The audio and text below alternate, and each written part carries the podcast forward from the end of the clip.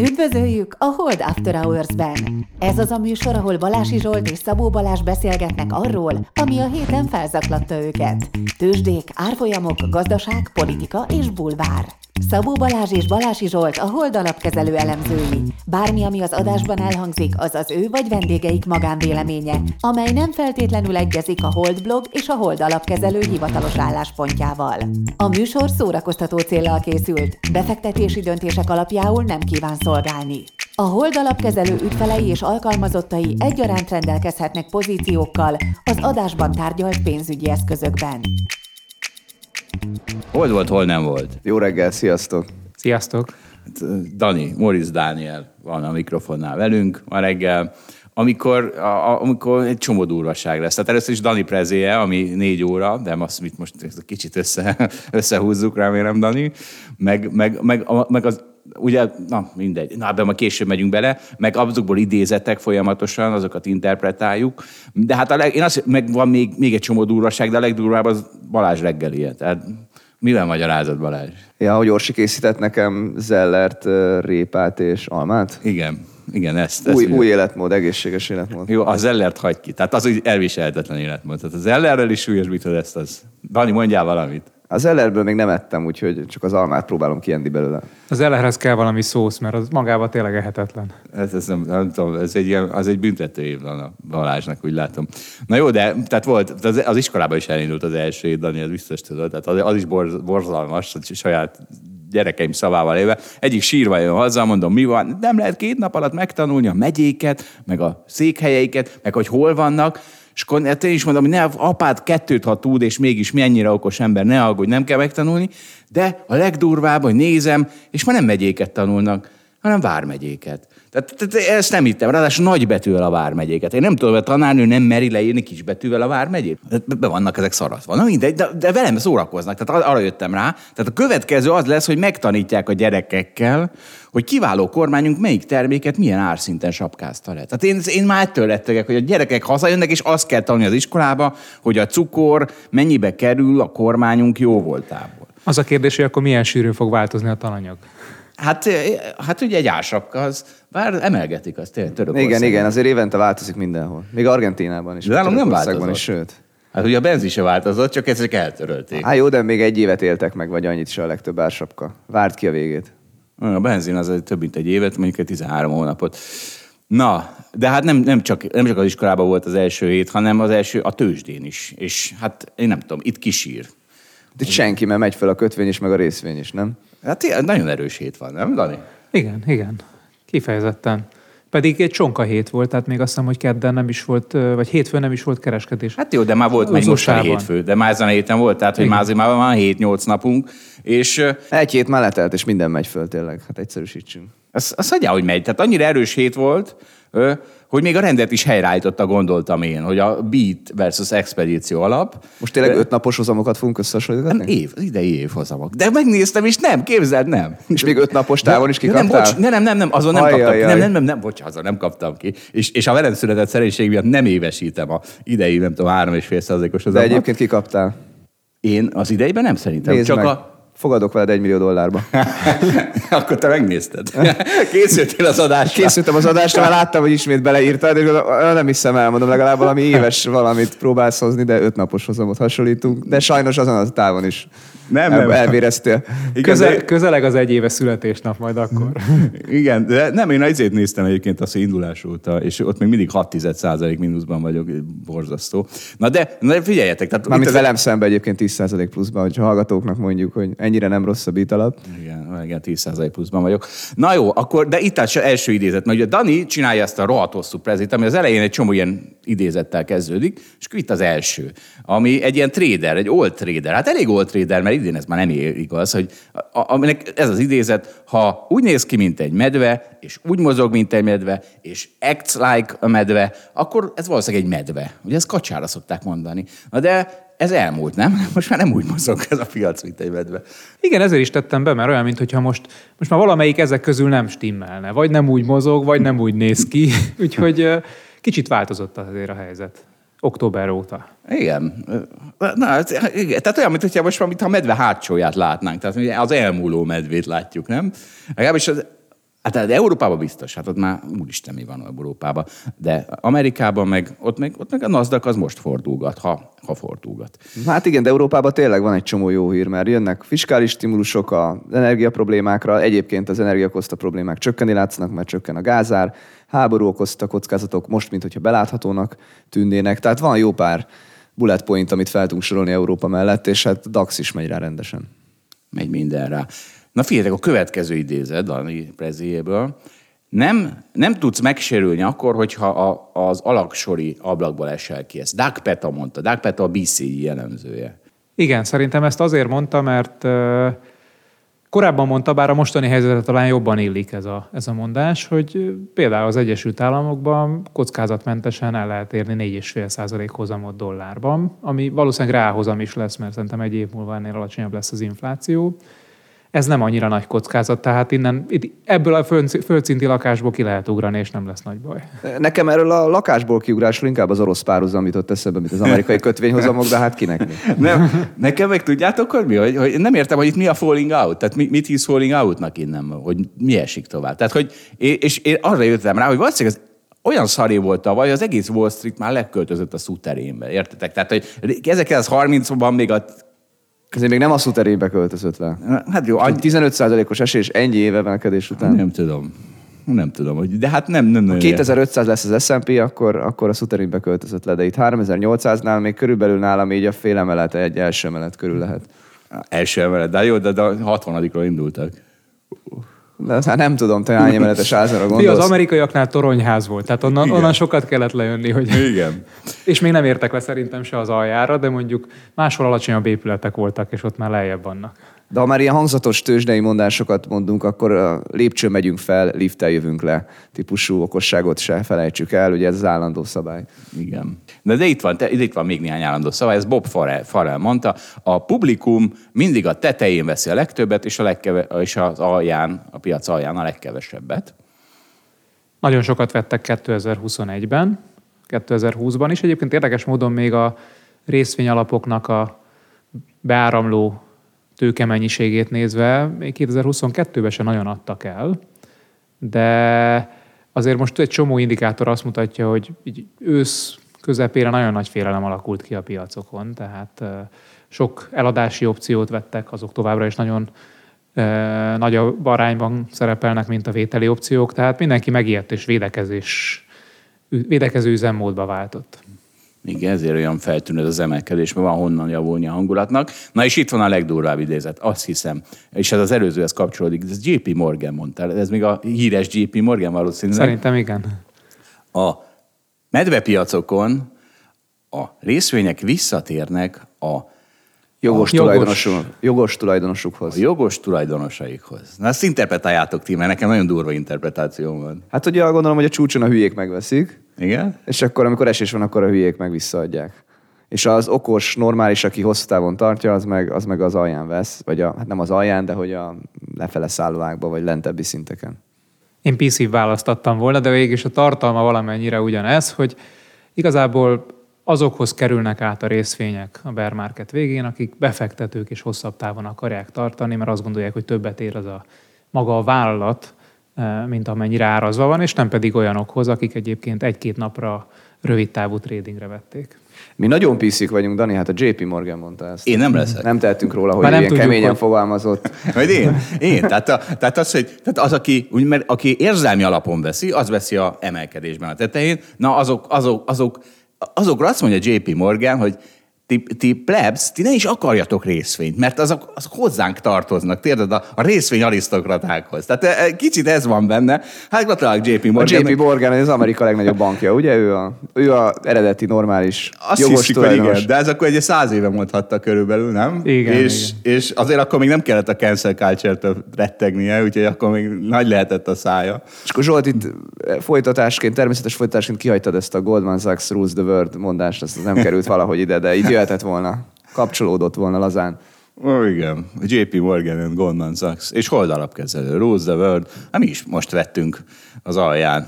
Legalábbis én biztos. Na, és akkor, na tessék, akkor térjünk át a prezire. Mert Dani, ez, ez egy négy órás prezi volt, ugye? Négy óra volt. Hmm, szünettel csak három, három és fél. Három, három, igen, igen. Há, Mi? Mondanám, nem, nem, nem. Tehát há- három és Fél fél kettőkor ültünk be, ötkor eljöttünk, és Igen. volt egy negyed óra szünet. Jó. Na, hosszú volt. Hosszú volt, és a Dani rengeteget készül erre, több napon keresztül. Egyébként ez minden évben, ez egy ilyen... izé, Ez egy szánsz, ez egy ünnepség, ahol dalap Így közelő van. van. Daninak nem tudom. neked- Kedvesek vagytok, hogy ezt mondjátok. Neked ünnepség, Három és fél órán keresztül hallgatni valamit, de Te hogy gondolsz rá előtte? Ünnepség ez, vagy izé? Vagy, vagy amikor elkészül, akkor az egy ünnepség. Tényleg. Ja, ez olyan, mint a teljesítménytúra, nem? Amikor vége van, akkor jó, a közben nagy szopás. Na, és, és, meg, és, akkor, és akkor az ember elgondolkozik, és én gyakran elgondolkozom, hogy miért, miért rakunk ebbe ennyi energiát, tehát én kurva sokat. És akkor itt az én interpretációm, és akkor ti majd vitatkozhattok vele. Ugye ez egy verseny, ez a tőzsdézés, ez egy globális verseny. A világon mindenkivel versenyzünk. A, a, le kell nyomni a genyákat, akik New Yorkban, meg Londonban trédelnek, meg Varsóban, meg Budapesten, és ennek két funkciója van egy ilyennek. Az egyik az az, hogy egy ilyesmivel, azzal, hogy okoskodunk a piacokról, végtelen, végtelen összefüggést találunk, azzal bizonyítjuk, hogy mi vagyunk a legalkalmasabbak, hogy ebben a versenyben az ügyfeleinket képviseljük. Tehát nem biztos, hogy legalkalmasabbak, de kellően alkalmasak. És még ha nem is értik az ügyfelek, meg nem is érdekli őket. És igazából, mert, mert szerintem azért nem sok értelme van, kitalálni, hogy megpróbáljuk kitalálni, hogy mi lesz 2023-ban, mert úgyis más lesz. Nem? Tehát, tehát most összerakhatjuk, hogy ebben a szenárióban mi történik, abban a szenárióban mi történik, aztán jön Putyin, és ki, kirobbant egy háborút, jön egy koronavírus válság, és minden fölülír. Tehát, és, és igazából a mi két nagy előnyünk valójában, az nem az, hogy iszonyatosan sokat tudunk okoskodni a piacokról, hanem egyrészt a hosszú táv, hogy hosszú távon gondolkozunk, hogy akkor veszük a részvényt, amikor esnek, nem érzelmi alapon, és, és, és ez, hogy tudjuk, hogy különböző pánikokban, akár lefelé, akár felfelé, hogy jó viselkedni, hogy tudjuk kizárni az érzelmeket, és ez nem azon dől el, hogy tudjuk, hogy miért erősödött a dollár 2023-ban, és az milyen áttételeken keresztül hogyan hat a fejlődő gazdaságokra, és az a nyersanyagpiacokra, és az inflációra, és így tovább, hanem és akkor megmondom, hogy mi ez. Ez egy edzés egyrészt, hogy ezeket mind végig gondoljuk. Másrészt meg marketing, ugye, ahogy mondtam, ezzel bizonyítjuk a, a, a ügyfeleknek. És ez olyan, mint a szigetkör a futbalistáknak. A futbalista nem attól fog jól focizni, hogy télen alapozási időszakban fut ezer szigetkört, de ez egy ilyen szükséges minimum. Mint, vagy amikor a lovin, de biztosan nem tudjátok, ha fogadni akarsz a lovin, akkor a futam előtt a lovakat körbevezetik, hogy a fogadók megnézhessék őket, és a mozgásuk alapján aztán majd fogadnak, hogy ez fog nyerni, azt fog nyerni. És ez egy kicsit ilyen, amikor így nagyon sokat okoskodunk a piacokról, pláne mondjuk egy így most így a podcastben, akkor, akkor mi körbe vagyunk vezetve, mint a lovin a lovak.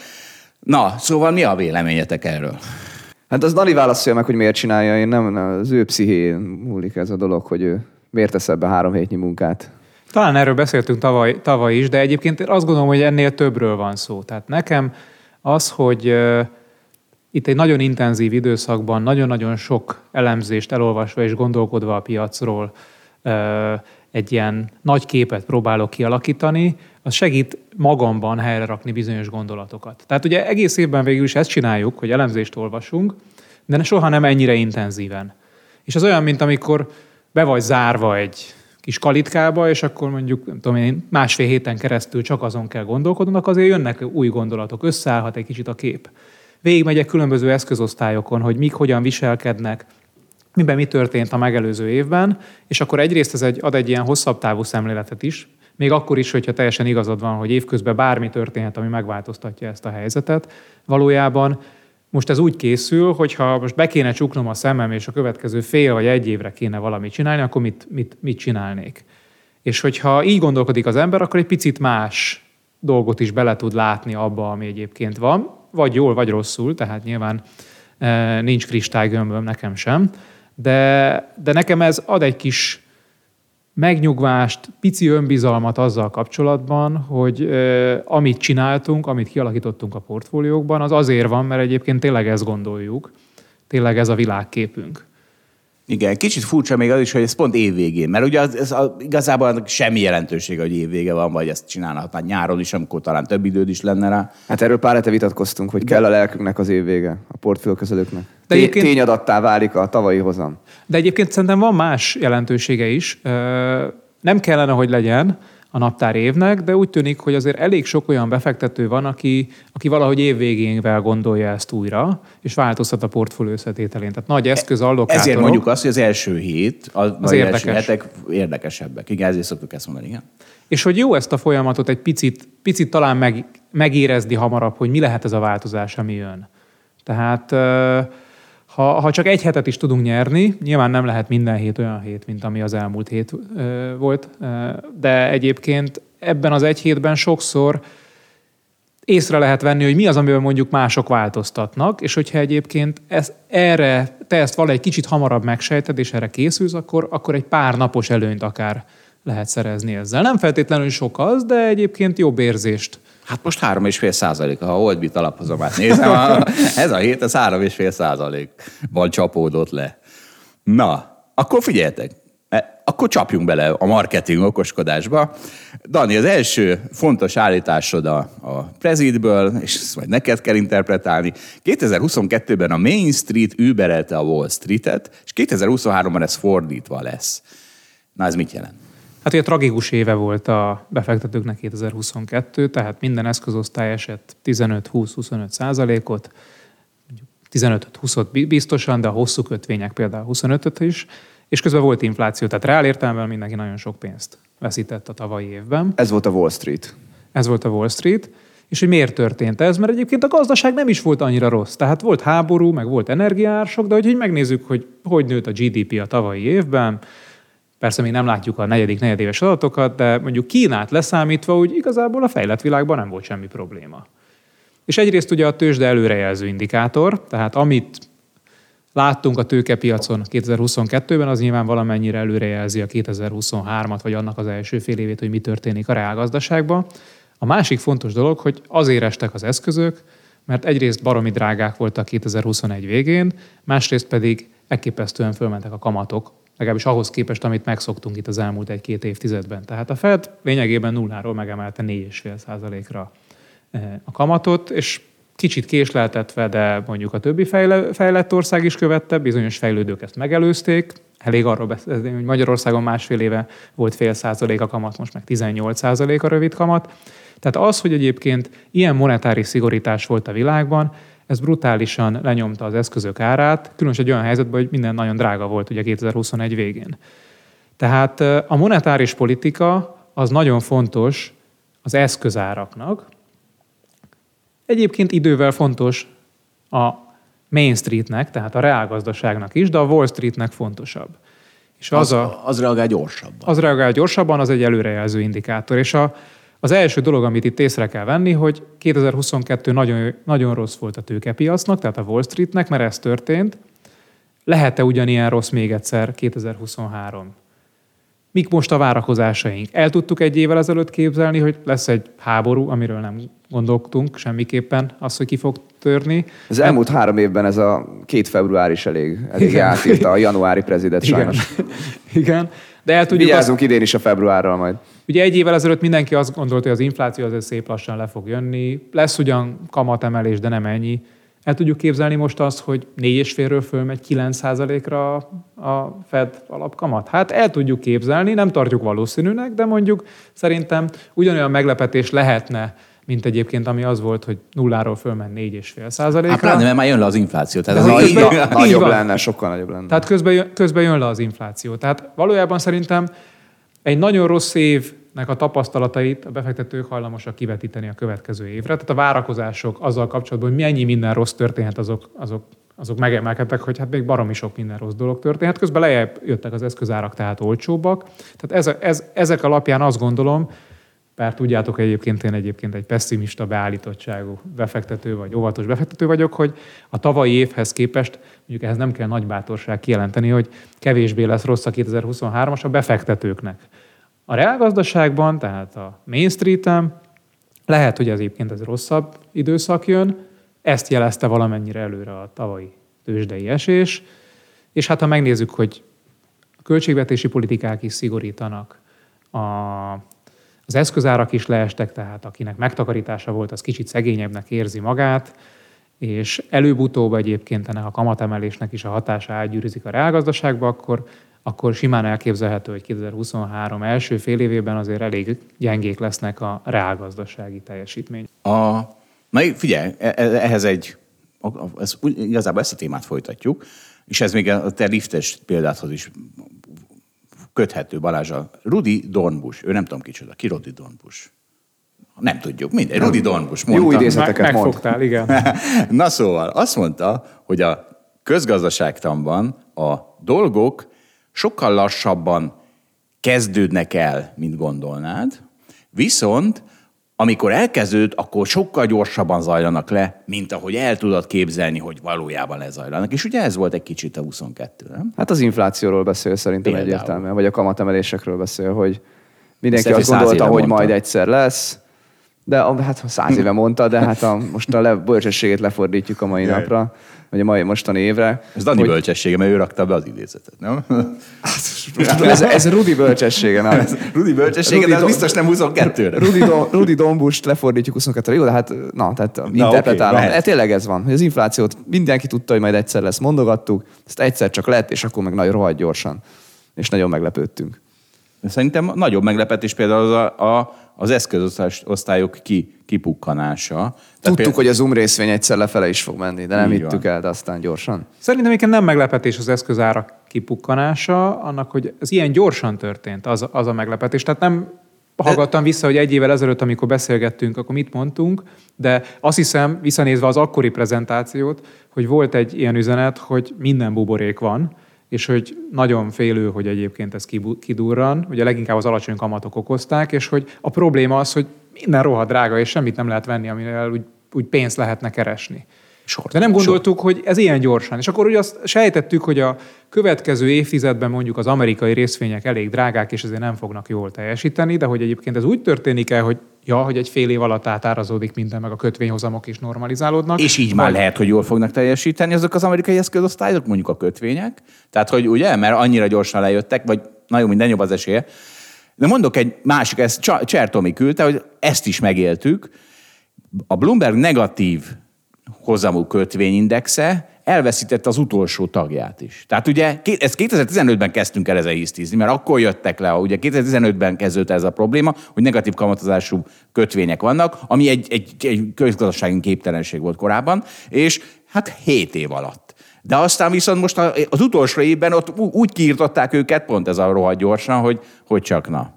Na igen, tehát az, az tényleg nagy hiszti volt a részünkről, és aztán szerencsére most már nem kell hisztizni miatta, hogy negatív hozammal forognak a kötvények. Egyébként, amit még hozzá akarok tenni, hogy látod, ez is kipukkat, meg akkor a minden buborék kipukkat, és féltünk attól egyébként, hogy az egy kockázat, hogy amikor összeomlik az a sok tech részvény, meg egyébként lesz szigorítás, akkor egyszerűen minden össze fog omlani, és nem lesznek a relatív teljesítményekben nagy különbségek.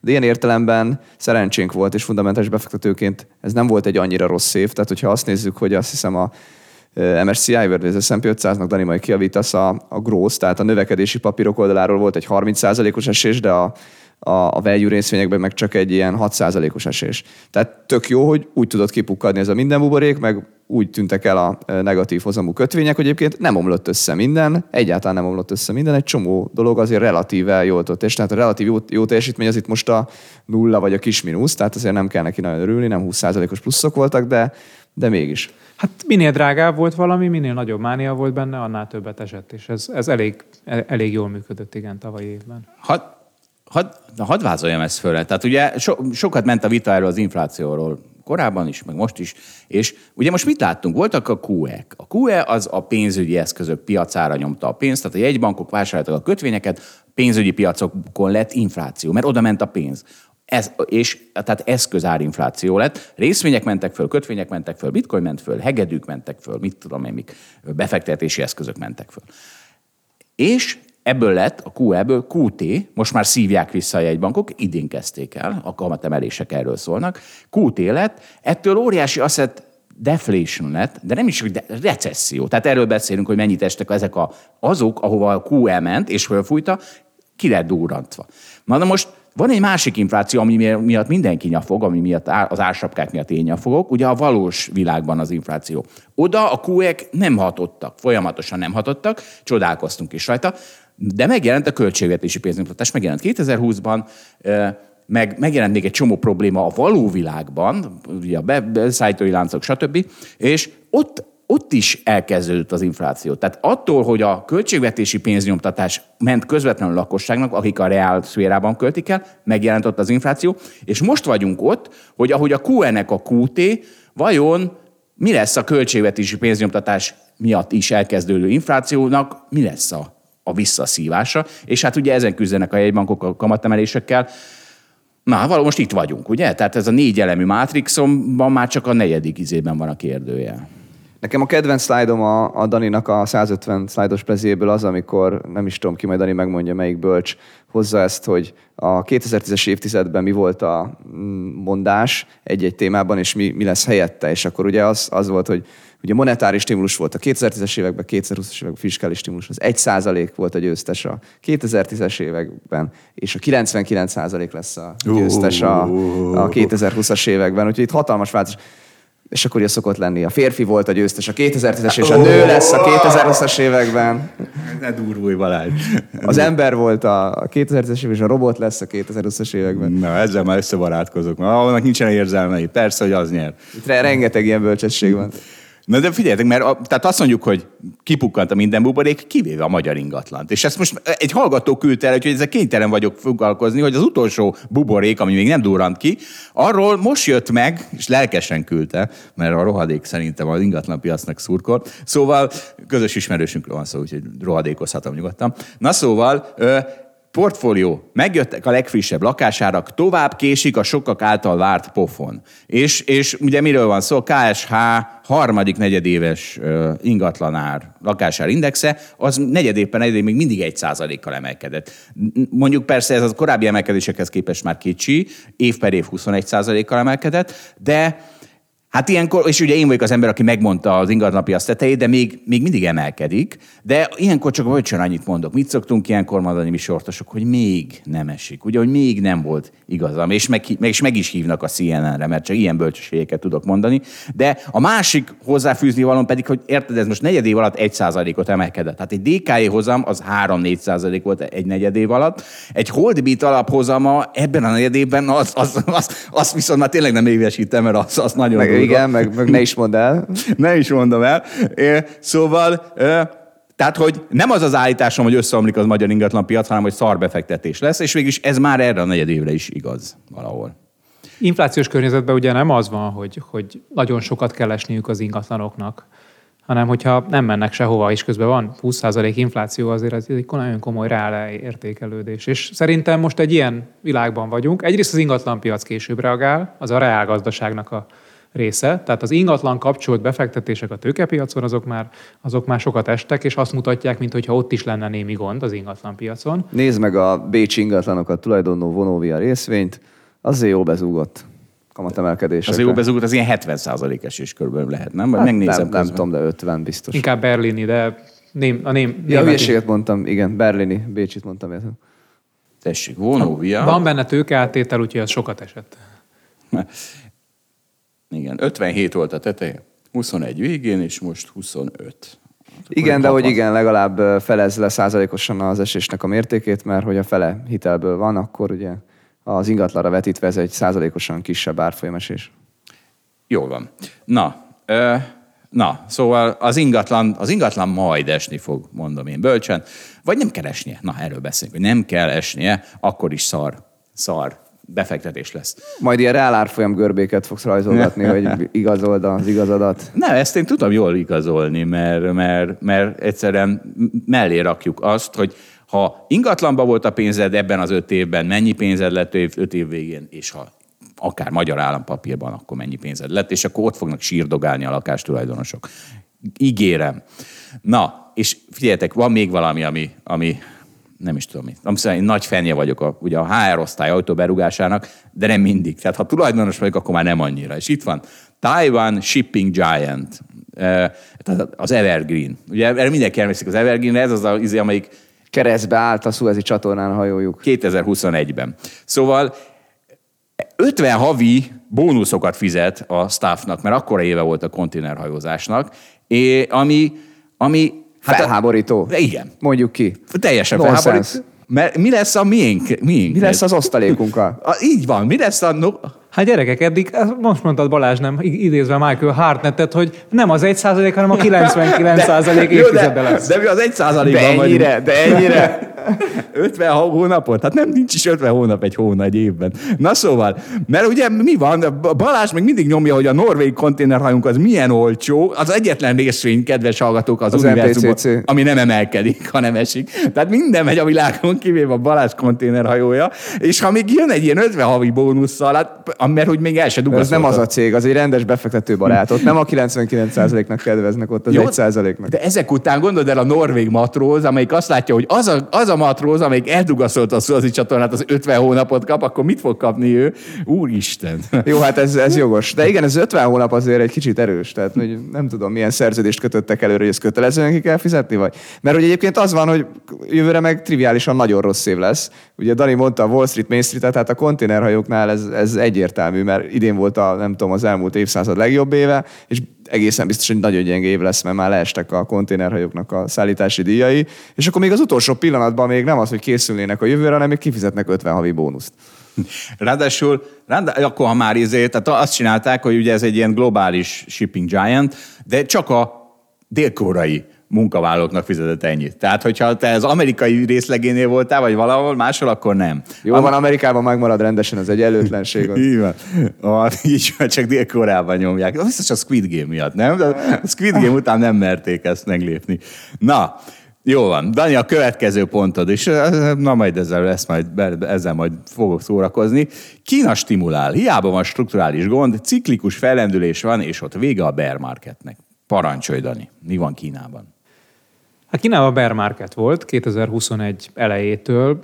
Leestek a részvények, mondjuk attól függ, hogy milyen indexet nézünk, egy 40, 50, 60. A legdurvább tech túlsúlyos részvényindexek 70 ot tehát azért, azért nem egy kicsi esés így másfél év alatt, tavaly 2022 őszéig. És hát tényleg nagyon sokat foglalkozunk Kínával, és tényleg látjuk azt, hogy ott az ingatlanpiaci probléma az nem egy olyan dolog, amit így fél év alatt, egy év alatt meg lehet oldani, hanem szerencsés esetben ugye el lehet húzni egy évtizedig, hogy ne legyen nagyon nagy baj vele, de hogy biztos, hogy sokkal lassabban fog nőni a következő évtizedben Kína.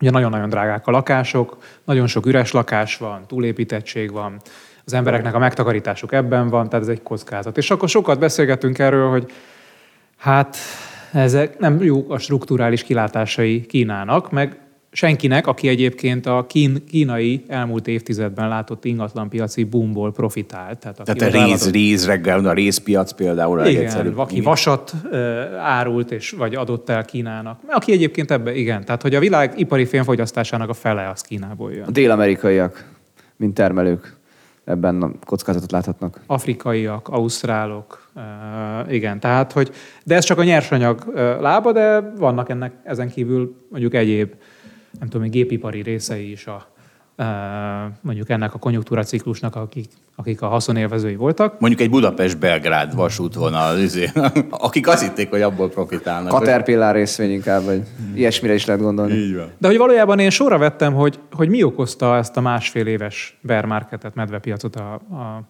kínai tőzsdéken. Ugye egyrészt volt egy ingatlanpiaci szabályozás, ilyen három vörös vonal néven futott, mely nagyon megszigorították az ingatlanfejlesztőknek a hitelhez jutását, akik egyébként teljesen el voltak adósodva, nagyon nagy tőkeátétellel működtek. Másrészt a zero covid politika ez egészen extrémé vált, tehát be volt zárva a lakosság jelentős része itt a tavalyi év második felében már. Vagy azért, mert egyébként akinél fölmerült a gyanú, hogy covidos, azt egyből bezárták, vagy igen, az emberek nem mertek kimenni, mert nehogy véletlenül kiderüljön, hogy bár ugyan nem beteg, de fertőzött, és akkor ezért zárják be. Akkor ugye a Xi Jinping neki ment a monopóliumoknak, meg a platform technológiai cégeknek, az ilyen nagyon erős piaci pozícióval rendelkező cégeknek, hogy letörje eh, az erejüket szabályozással. Ugye volt ez a Common Prosperity irányelve Kínának, hogy gyarapodjon az egész társadalom, a 99 százalék, tehát nehogy már 1 százalék kezébe összpontosuljon egy ekkora hatalom. Folyamatosan féltek a kínai részvények befektetői, legalábbis azoknak a kínai részvényeknek a befektetői, amelyek Amerikában is kereskednek, hogy ki fogják őket vezetni eh, az amerikai részvénypiacról. És hát egyébként Kína nagy haszonélvezője volt a Covid utána idő, idő, időszaknak, mert eh, a korábbi zéró Covid politika eredményeképpen ott igazából nem terjedt el a Covid, és ők voltak a világ export gépezete, tehát a világ nagy része ugye árukat vásárolt és nem szolgáltatást vett igénybe ebben az időszakban, és a kínaiak meg ezerrel termeltek, tehát nagyon fölpörgött az ipari termelésük és az exportjuk. De hát ez, ennek vége lett, tehát a tavalyi év az már arról szólt, hogy újranyitás volt a fejlett világban, és áruk helyett, amiből túlvásárolták magukat az emberek 2020-21-ben, inkább szolgáltatásokat vettek igénybe, tehát ez a kínai export teljesítmény szépen elkezdett lefelé csorogni, és akkor, ha még nem lett volna más baja a Kínának, tehát a kínai részvénypiacnak, akkor még volt egy némi geopolitikai feszültség Tajvan környékén. Az amerikaiak ugye elfogadták ezt a CHIPS Act-et, ami megnehezíti a kínai vállalatoknak a legmodernebb technológiáihoz való hozzájutását, ami nyilván a mesterséges intelligencia fejlesztésüket valószínűleg akadályozni fogja, vagy lassítani fogja. Tehát, hogy nagyon sok oka volt annak, hogy miért estek a kínai részvények az elmúlt másfél évben, és akkor elkezdtem végignézni, hogy valójában ezek a dolgok hogyan, hogyan változtak meg. Az első dolog az, hogy tavaly ősszel volt egy, egy látványos 20. pártkongresszus, ahol Xi Jinping megerősítette a hatalmát, és lényegében... Kivezették szín... szegény Hu Jintao-t, és utána összeomlottak a részvények. Igen, Xi Jinping kinevezte az összes leg, mondjuk közelebb álló baráti körét a leg, legfontosabb politikai pozíciókba, tehát, hogy az ő emberei kerültek hatalomra, és hát ettől nagyon megijedtek a befektetők. Tényleg volt egy ilyen igazi pánika tőkepiacon, amikor Hu Jiantao-nak a kivezetése után ott azt hiszem, hogy 10-15 százalékot estek a technológiai részvények, és gyakorlatilag szerintem mindenki beszántotta Kínát, hogy na ide aztán soha többet nem érdemes befektetni. Egyébként azóta is sok ilyen narratívát olvasok, hogy bár a fejlődő piacokra optimisták a befektetők, a kínai részvényeket azt ilyen uninvestable-nek tartják, tehát nem szabad befektetni, mert ott bármikor elvehetik a részvényeket. Hát ugye itt van az orosz párhuzam. Tehát az orosz piac volt az, ami egyébként is nagyon alacsony pépereken forgott, de mindig meg volt benne ez a nagy politikai kockázat, hogy oké, okay, ott lesz profit, de megkapod-e a pénzed.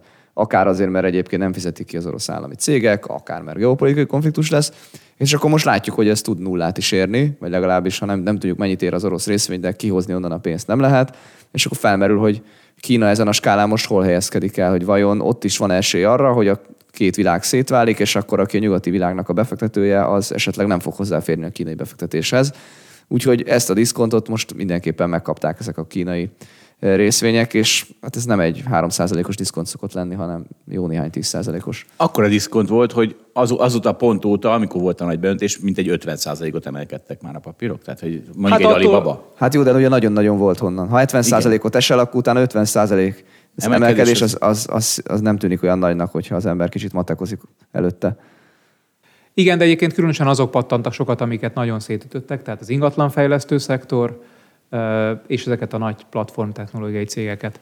Na de hogy mi is történt Még? ősz után? Tehát lényegében Xi Jinping megerősítette a politikai hatalmát, és onnantól kezdve szinte minden héten kijött egy olyan hír, hogy a kínaiak elkezdik stabilizálni a gazdaságot. Tehát kicsit segítenek az ingatlanfejlesztőknek, rákényszerítik a bankrendszert, hogy hitelezzenek a, a nagyon eladósodott ingatlanfejlesztőknek, hogy be tudják fejezni a lakásokat, kicsit a jelzálók hitelezésnek a szabályait lazítják, jöttek infrastruktúrális beruházások, jött egy kis költségvetési stimulus, tehát igazából ráállt a gazdaságpolitika arra, hogy a politikai hatalom megszilárdítása után a gazdaságot szeretné stabilizálni. Második, elengedték a zero covid politikát, egészen brutálisan egyik napról a másikra lényegében kinyitották az országot. Nyilván tudjuk, hogy ez azzal jár, hogy most szintén be van, bele van zárva a lakosság nagy része, mert egyszerűen olyan gyorsan megy át a vírus a lakosságon, hogy, hogy az emberek kénytelenek vagy betegség okán, vagy a betegségtől tartva nem kimenni az utcára. Tehát, hogy ennek a gazdasági fellendülése az nem most jön, hanem mondjuk két-három hónap múlva, de egyébként ez egy fájdalmas, de, de rövid távú folyamat lesz.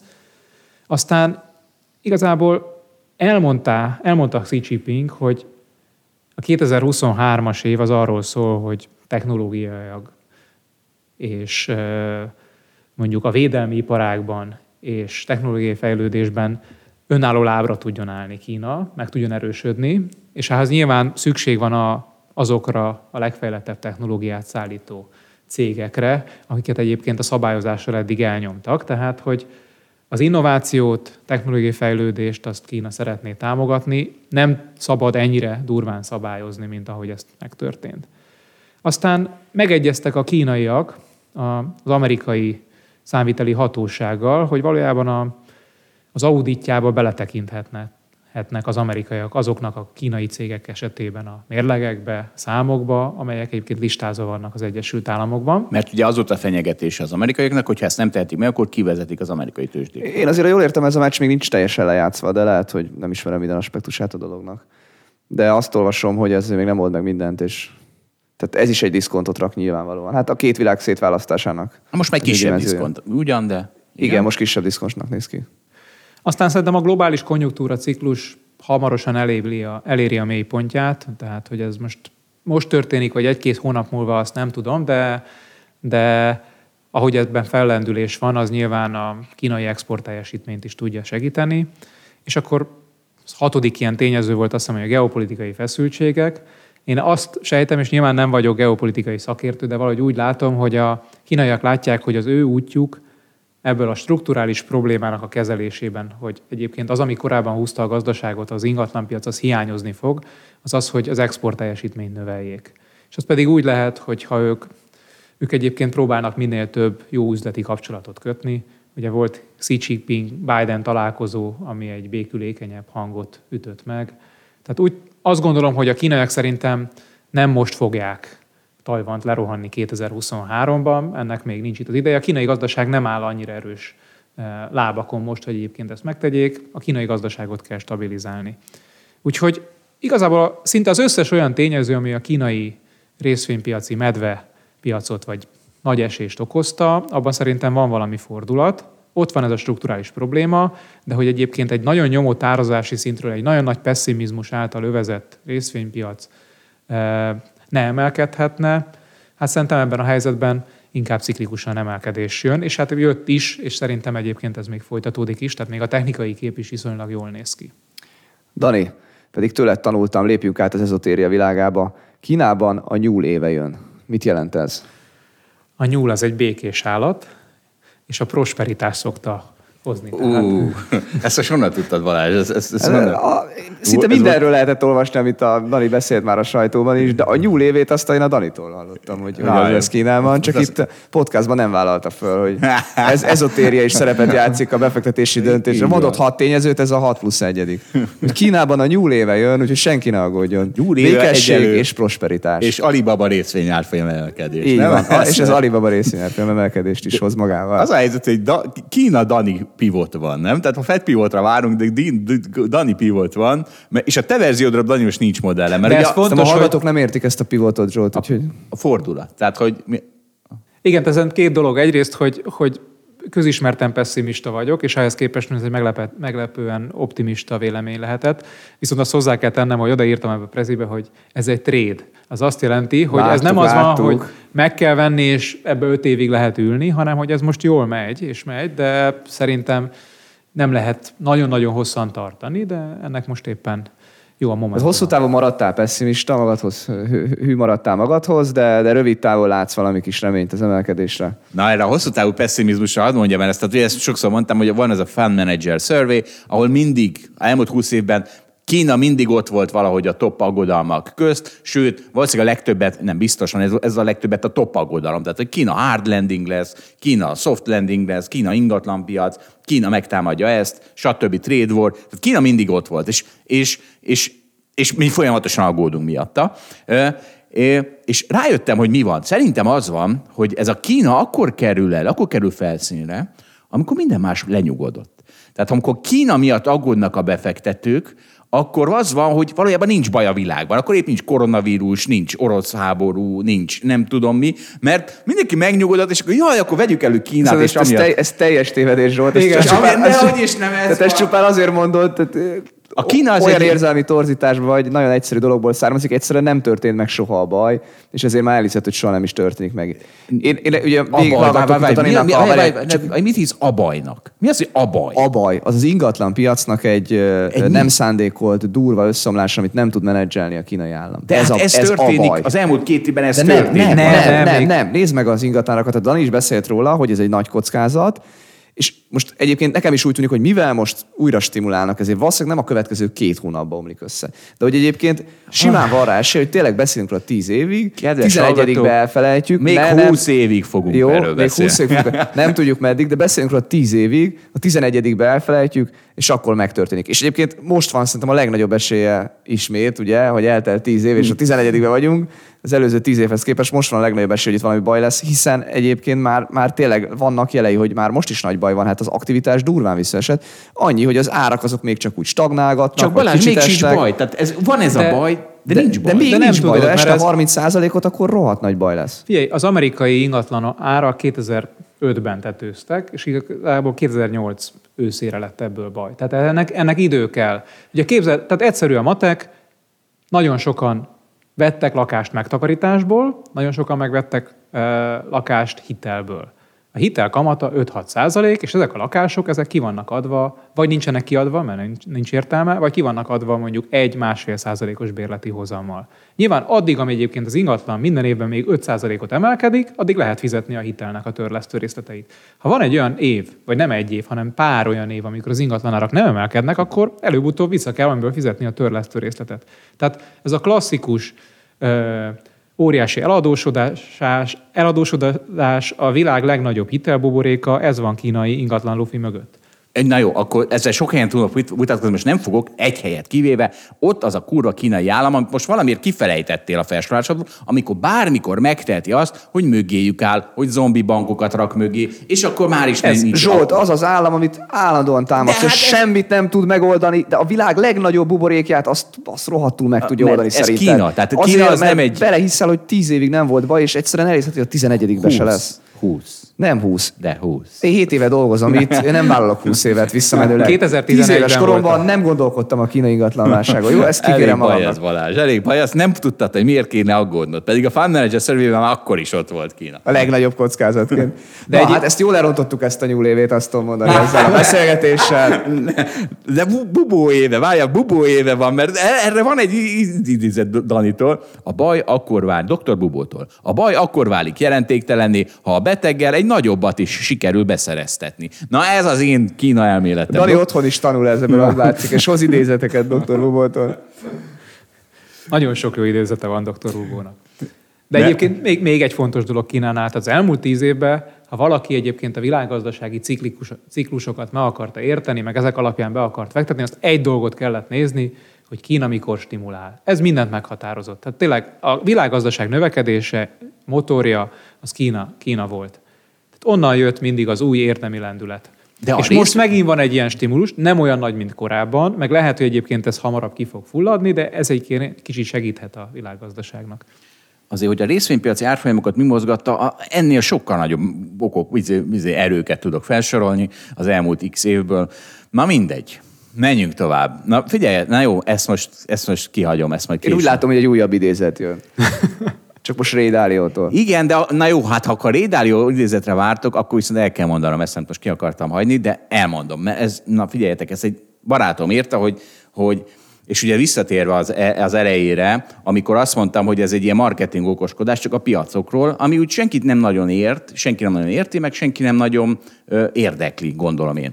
Ö, és ő azt mondta, hogy legyek óvatos, mert ne akarjam én azt bebizonyítani, hogy a nők valójában nincsenek elnyomva, mert ez, ez, ez, ez nem érdekes, és ezzel csak föl, magadra haragítod a izéket. Tehát a cancel culture egy kicsit figyelmeztetett, és és igaza van, de elmondom, hogy miért foglalkozok ilyenekkel. Mert ez egy gondolkozási probléma. Tehát nem a, nem a tehát az, az ilyenek, ezek, ezek ilyen logikai problémák.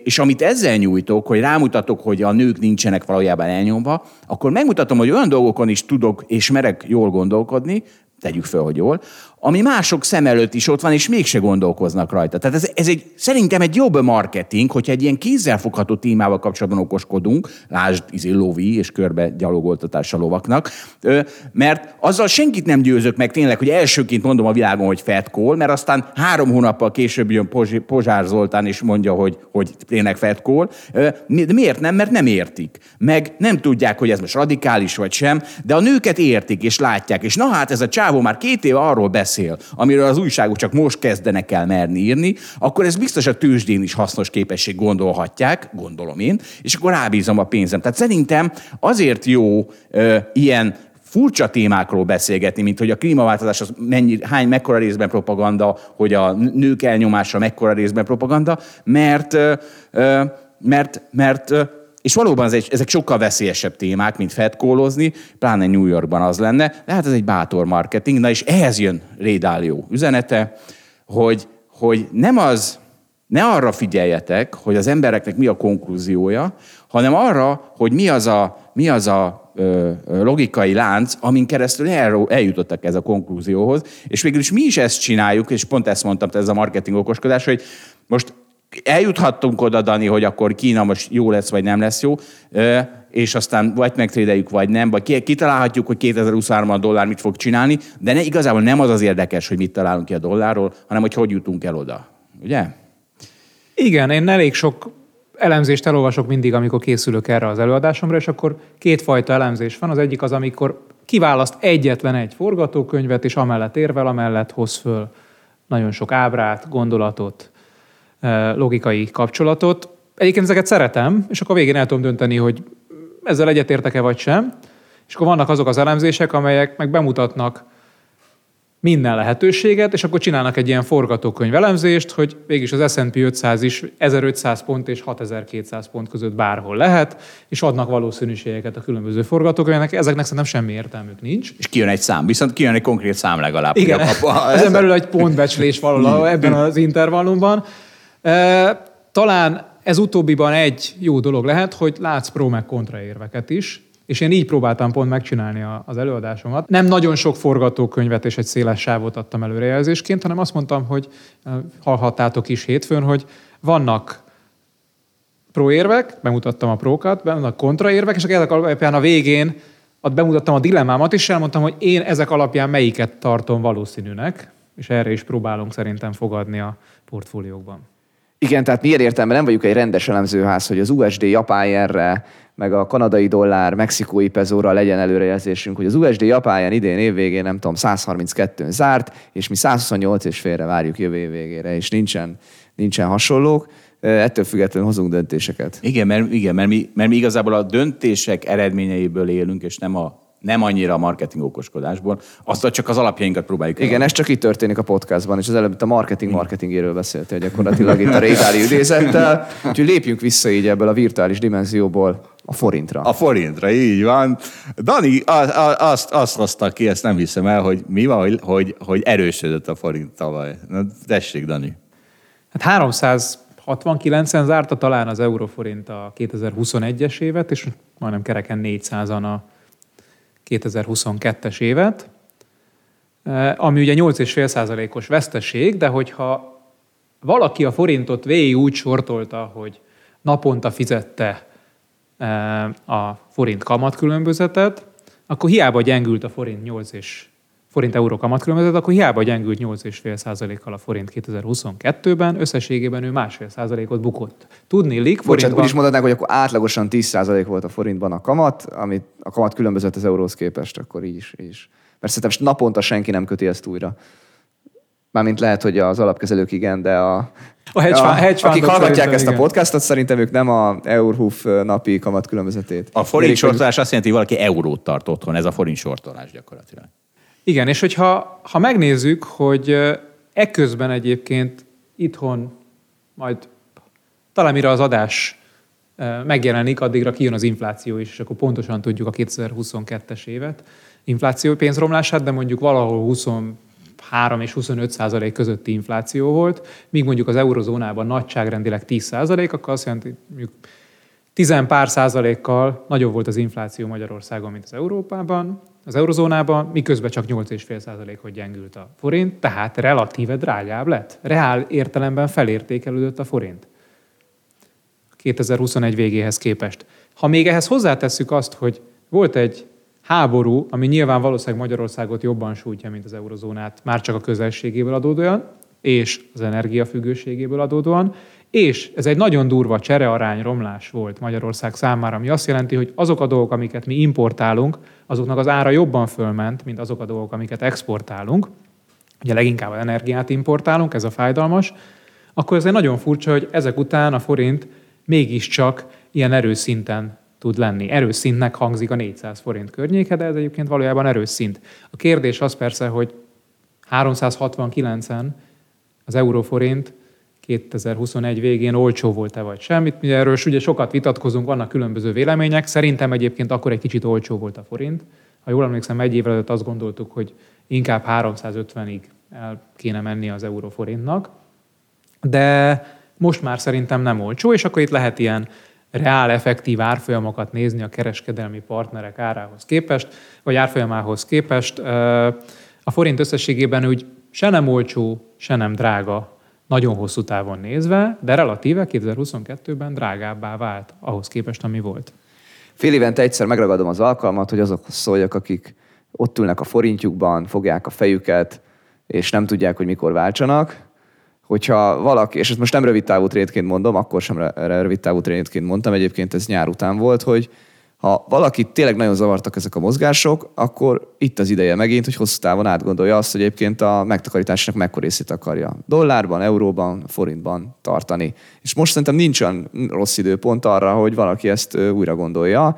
Egyébként a dollár szempontjából sem, a dollár is azért jelentősen gyengült az elmúlt pár hónapban. A forint egyébként, ahogy Dani mondtad, ráadásul tavaly elévelejhez képest rá felértékelődésen ment keresztül. Tehát, hogy egyáltalán nincs rossz időpont arra, hogy valaki ezt most tényleg, tényleg újra feltegye a kérdésre, csak lustaságból nem foglalkozott vele, akkor, akkor tegye meg ezt a, ezt a kis gondolkodást, és nyugodtan vegyen eurót vagy dollárt. Mondom, ez nem, tehát én nem, nem, nem azért akarom azt mondani, mert a következő két hétben mi lesz, vagy akár a következő egy évben mi lesz. Én az alapomban nem fogadok arra, hogy a dollár vagy a forint most jobb befektetés lenne, mint a, bocsánat, hogy a dollár vagy az euró jobb befektetés lenne, mint a forint, hanem ezt, hanem ezt tényleg úgy gondolom, hogy hosszú távon mindenkinek ki kell alakítania, és minél előbb teszi meg ezt az életének korábbi szakaszában, az, az annál okosabb, és valószínűleg annál jobban fog járni, meg egyébként úgy összességében inkább azt tudom mondani, hogy annál nyugodtabban alszik. Újra gondolni sosincs eh, késő, meg azt mindig lehet, tehát azzal, azzal nincs gond. Egyébként itt egy fontos dolog, hogy mi a hátrány a devizát tartani, eurót tartani, annak van éves szinten jelen helyzetben mondjuk 11-2 százalékos, mondjuk egy évre 10, rövid távon évesítve 10 pár százalékos hátránya. Ennyivel magasabb a kamatszint Magyarországon, mint, mint az eurozónában, és pont emiatt tudott a forint erősödni. Tehát ugye október közepén 432 volt talán az euróforintnak a csúcsa, és hát azért kezdett el erősödni, mert közben a magyar kamatszint brutális módon megemelkedett 18%-ra, és azóta erősödik a forint. Hozzáteszem, van még egy nagyon fontos dolog, hogy nagyjából akkor, lényegében néhány nap különbséggel, akkor fordult meg a dollár brutális ereje, nem csak a forinttal, hanem minden más devizával szemben. Ugye a 2022-es évben a dollár volt a legerősebb deviza, mindent vitt, és mindent kinyírt, tehát az erős dollár az mindennek nagyon-nagyon rossz hír. És pont október közepén megfordult a dollár. Tehát most azóta gyengül a dollár, és van egy nagyon magas kamatkülönbözet, ami védi a forint árfolyamát, és ezért egyébként szerintem még egy ideig nem tud a forint olyan nagyon sokat gyengülni, vagy legalábbis nem tud annyi gyengülni, amennyi ez a kamat különbözet volna. De egyetértek a, a, a Balázsjal, hogy ezen érdemes gondolkodni. Hát a izék is gondolkodnak, úgy látom, a magyar költségvetés, mert, mert devizakötvény kibocsátás van. Itt is, Romániában is, és hát elég drágám. Mi történt? Miért az első héten, mint a bolon mindenki nyomja ezt, Dani? Mi van? Nem tudom, de tényleg az első héten úgy estek neki a kibocsátók, talán szlovénoknál is volt kibocsátás, hogy minthogyha nem lenne holnap. Így indult. Mondom, ez egy csonka hét volt, tehát egy olyan hét, ahol hétfő nem volt amerikai kereskedés sem. 4 milliárd dollárról beszélünk. Ez Magyarországonnál is, Romániánál is gyakorlatilag az egész éves tervezet volt, ugye? Egy valami ehhez hasonló nagy Lényeg, Lényegében igen, ugye a lengyelek még, még novemberben bocsátottak ki, tehát ők is, nekik is a, a nettó finanszírozási igényüknek közel a fele már rendezve van 2023-ra ezzel az előrehozott kibocsátással. És hát igazából nem volt egy olcsó kibocsátás, azt kell, hogy mondjam, se a magyar, se a román állam esetében, tehát dolláros papírokat adtak el, jellemzően mondjuk 3 ponttal magasabb hozammal, mint az amerikai hasonló futamidejű állampapírok. Ezek viszonylag hosszú kötvények voltak, tehát 5, 10 és 30 éves kötvények. Visszatért a régi világ olyan, mintha 2010-es évek elején lennénk újra, nem Dani?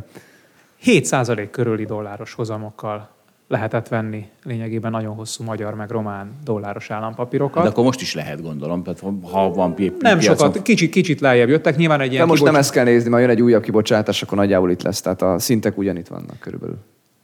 Igen, és át egy új kibocsátás során mindig magasabb hozamot kell ígérni, hogy a befektetőket rábírják a kötvények megvételére. Ugye ezt a 7%-at perspektívába helyezve, tehát ugye a hosszú forintos magyar állampapíroknak 8% a hozamuk, dollárban most hetet fizet Magyarország, meg Románia is. Másrészt, hogyha azt látjuk, hogy az amerikai inflációindexált állampapírnak a hozama másfél százalék egy ilyen hosszú futamidejének, az azt jelenti, hogy azzal számol a piac, hogy tehát egy olyan befektetést lehet csinálni, amivel reál értelemben dollárban évente másfél százalékot tudsz keresni infláció fölött, akkor azt jelenti, hogy ezek a magyar meg hosszú román dolláros állampapírok kb. 5 százalékos dolláros reálhozamot ígérnek. Tehát ez egy elég vonzó lehetőségnek tűnik. Nyilván az kell hozzá, hogy ezek az országok tudják devizában fizetni az adósságszolgálatukat. Jelen pillanatban egyébként nem túl magas a devizaadósság aránya Magyarországon az államadóságon belül, magasabb Romániában, de Romániában meg kisebb az államadóság a GDP-re vetítve. Meg ők kapnak EU pénzt. Teli vannak energiával. Igen, de azért azt hozzá kell tenni, hogy a Mármint nagy folyófizetési mérleg hiánya van Romániának és Magyarországnak is. Igazából ikerdeficit problémája van, tehát a költségvetési hiány és a folyófizetési mérleg hiány is jelentős. És nyilván ezt valamennyire az EU-s pénzek eh, be tudják tömni, valamennyire a működőtőke beruházások be tudják tömni, de azért kell alkalmazkodás, meg hát ezek 10-30 éves kötvények, tehát nagyon-nagyon hosszú távoli lejáratú, aki tudja, mi, mi fog addig még történni. Na, jó, ez egy kemény téma, hogy most lazítok egyet rajta, mert Dani, te ugye mindig jössz így év elején, és szólok, hogy mindig Elvis szülinapja lesz. Tehát nem, nem, nem tudom, hogy tudtátok-e, január 8 megint Elvis szülinapja volt. Nem tudtam. Nem tudom, hogy tudjátok elkerülni. Én a múlt héten két Elvis koncerten voltam, ezen a héten is leszek egyen vagy kettőn. 12 Elvis előadóval találkoztam az elmúlt hétvégén, ebből csak egy volt lány. Balázs határol, hogy elétves. Mi az, hogy 12 Elvis előadóból csak egy lány?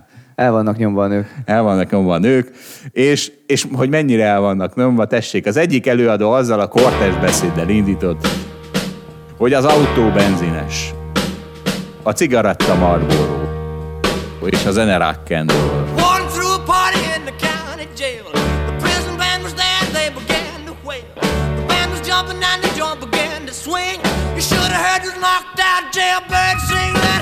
Erről mi a véleményetek? Dani, mi a véleményed? Hát az a- fiúk meg vannak döbbenve. Igen, igen. Na, na jó, akkor A cigaretta Marlboro, hát ezzel vitatkoznának a száz évvel ezelőttiek is. Azt nem tudom. De egy szülinapon én nem álltam neki vitatkozni, hát El- Elvis szülinapja van. De pláne, hogy ugye az én érvem, illetve hogy az autó és a cigi, hát azt mi bundás kenyér arisztokraták konzum idiotizmusnak hívjuk. És a zenét meg állítólag már Mozart és Wagner is egész jót csinált. Mindezt nem mondtam el, ezt most adásban mondom el. Ez ilyen bújtatott felvezetése volt a Volkswagennek és a Philip Morris részvénynek? Hát azt, azt mondtam, hogy nyugodtan most akkor belőheted a izédet, hogy de ha Philip Morris olcsó. Ilyen hát te- látod, hogy ezért kell marketinget és reklámokat csinálni, mert hogy a Volkswagen ez olcsóbb, mint a örökre Philip beég. Morris. Ez A fo- örökre beég. Így van. A, fo- a, fo- na tessék, mindenki figyeljen oda. Te biztos ezt fogod majd mondani, hogy vagy 20 év múlva, vagy 40 év múlva fogja mondani, a podcast az hold. Hó, hát. ja, tényleg. Na, ez jó. Na, de Dani, egyébként mondtad egyébként, hogy feltűnően objekt, vagy mi voltál, optimista voltál, és és feltűnően sok részvénypiacot is javasoltál. Az egyik az a Nyugat-Európa. Tehát a mondja, nekem milyen jó éve lesz. Pedig hát tudjuk, hogy mi van ott? Brüsszeli szankciók vannak, és minden el van rontva. Mi van Nyugat-Európában, Dani? Hát leginkább csökkenő gázárak vannak, ami azért elég jó hír, mert hogy 2022-ben miért utálták meg a befektetők Európát? Hát leginkább azért, mert közel van a háborúhoz, és nagyon kitett energia tekintetében Oroszországra, és a gázra, aminek meg nagyon-nagyon elszállt az ára. Tehát egyébként a legtöbb nyersanyag ára évvégére már úgy nagyjából letörölte a háború alatti emelkedését, de például az európai gázár egyáltalán nem, globális gázár sem. Tehát, Tehát, de az is felezett, vagy felezett? Még nem, de a francokat 60-70 százalékot esett? Igen, A csúcsához 300, képest. 300 uh, Volt a teteje? Volt a teteje, és akkor olyan 70 környékén volt Igen. talán év, év végére. De hát azért egy nagyon fontos fundamentális változás. És persze beszélgettünk itt róla, hogy nem tudjuk, hogy ez mennyire köszönhető az enyhe időjárásnak, mert nyilván a magas gázkészletek, mert ugye föltöltötte mindenki a gáztározókat, és a kisebb fogyasztás miatt, az enyhébb tél miatt indokolt, hogy essen az azonnali gázár, de az, hogy az egyéves, meg a két éves határidős gázárat ez mennyire kell, hogy lehozza, az nem, nem teljesen triviális, és azok is nagyon lecsökkentek. Tehát, hogyha valaki attól fél, hogy termel, és hogy nagyon magas lesz jövőre a gázár, az most köthet olyan határidős ügyletet, hogy lényegében ezt, ezt lefedezi, nem nagyon alacsony szinten, jóval magasabban, mint egy-két évvel ezelőtt volt a gáz, de azért nem is a csúcs szinten, hanem annak mondjuk csak a harmadánál, negyedénél. Mondtuk, mondtuk itt adásban, hogy ősszel senki ne kössön hosszú távú rezsiszerződést, meg nem tudom mit, hanem várjon, várjon, várjon, és most már sokkal jobbat lehet elvileg kötni. Nem tudom, mi van egyébként a magyar rezsipiacon. Igen? Na de nagyon érdekes tényleg, hogy mi történik az európai részvénypiacon. Először is a profitok euróban számolva 2022-ben új csúcsra mentek. Ehhez képest a részvényindex nyilván sokat leesett, mint minden más index a globálisan. Azt jelenti, hogy sokkal olcsóbb lett az európai részvénypiac. Ehhez kellett az, hogy az euró gyengüljön, mert az európai cégek árbevételének jelentős része külföldről jön, tehát így a profitokat ezt támogatta. Ezen kívül egy éven keresztül folyamatosan váltották vissza a befektetők a, az európai részvényalapokat.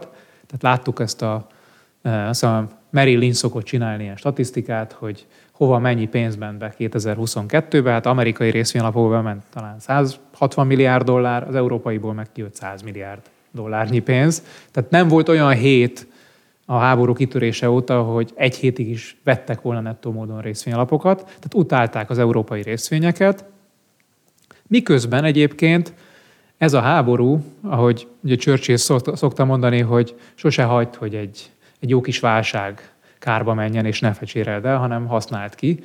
El, megmozdított egy csomó minden dolgot Európában. Tehát ezt az euró egyoldalú energiafüggőséget, ami Európának van, azt nagyon gyorsan elkezdte Európa megpróbálja megváltoztatni ezt a helyzetet. Ugye nagyon sok költségvetési támogatást ad olyan beruházásokhoz, amelyek mondjuk a gázszállítások diversifikációját javítják. Kitalált olyan áram- és gázár támogatási rendszert, persze különböző országokban különböző módon lett ez megvalósítva, amelyek a alkalmazkodásra és fogyasztás csökkenésére bírják rá a szereplőket, és úgy összességében nagyjából a GDP 2-3 százalékát kiosztották támogatásként a lakosságnak meg a vállalati szektornak. Ez az a többletteher, amit egyébként Európának fizetnie kell a megemelkedett energiai áraknak köszönhetően. Tehát nagyjából ezt a költségvetések ellensúlyozták.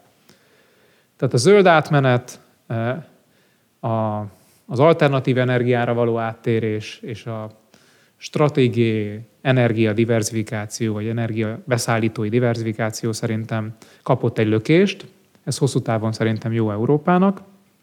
És Egyébként az európai gazdaság viszonylag jól teljesített 2022-ben, a vállalati profitok fönt voltak, úgyhogy egy ilyen nagyon pessimista helyzetből, csökkenő gázárakkal nem meglepő, hogy az európai részvénypiac így emelkezni kezdett év végén, és viszonylag jól is néz ki a technikai kép. Igen, az is jól néz ki, meg hát, hát igen, csak így, így már ugye, de, hát valami olcsó. A Volkswagen olcsó, az örökre olcsó, nem, de Balázs? Volkswagen... Reméljük, hogy nem örökre. Most még olcsó. Most még olcsó. Mondjuk ezt halljuk öt éve. Régóta, igen. És még egy gondolat itt Európához, hogy valójában az a kamatemelés, ami a világon volt, az sok helyen nagyon fájdalmas, tehát az, hogy a Fed nulláról négy és félre emelte a kamatot, az, az már fáj, mert leértékeli a részvényeket. De Európában az, hogy a negatív kamatok eltűntek, és följött egy értelmezhető, de azért nem túl magas pozitív tartományba a kamacit, az például az európai tőzsdéken nagyobb arányban szereplő bankszektornak, biztosítói szektornak, tehát a pénzügyi szektornak, az egy tök jó hír. Hát eddig ezek a cégek alig tudtak pénzt keresni, és ez növeli a profitjukat. Ugyanúgy az energia áremelkedés, az, ener- a, az európai tőzsdéken nagyobb arányban szereplő energiaszektornak például jó hír volt, még akkor is, hogyha a profitok egy részét, nem kicsi részét elveszik.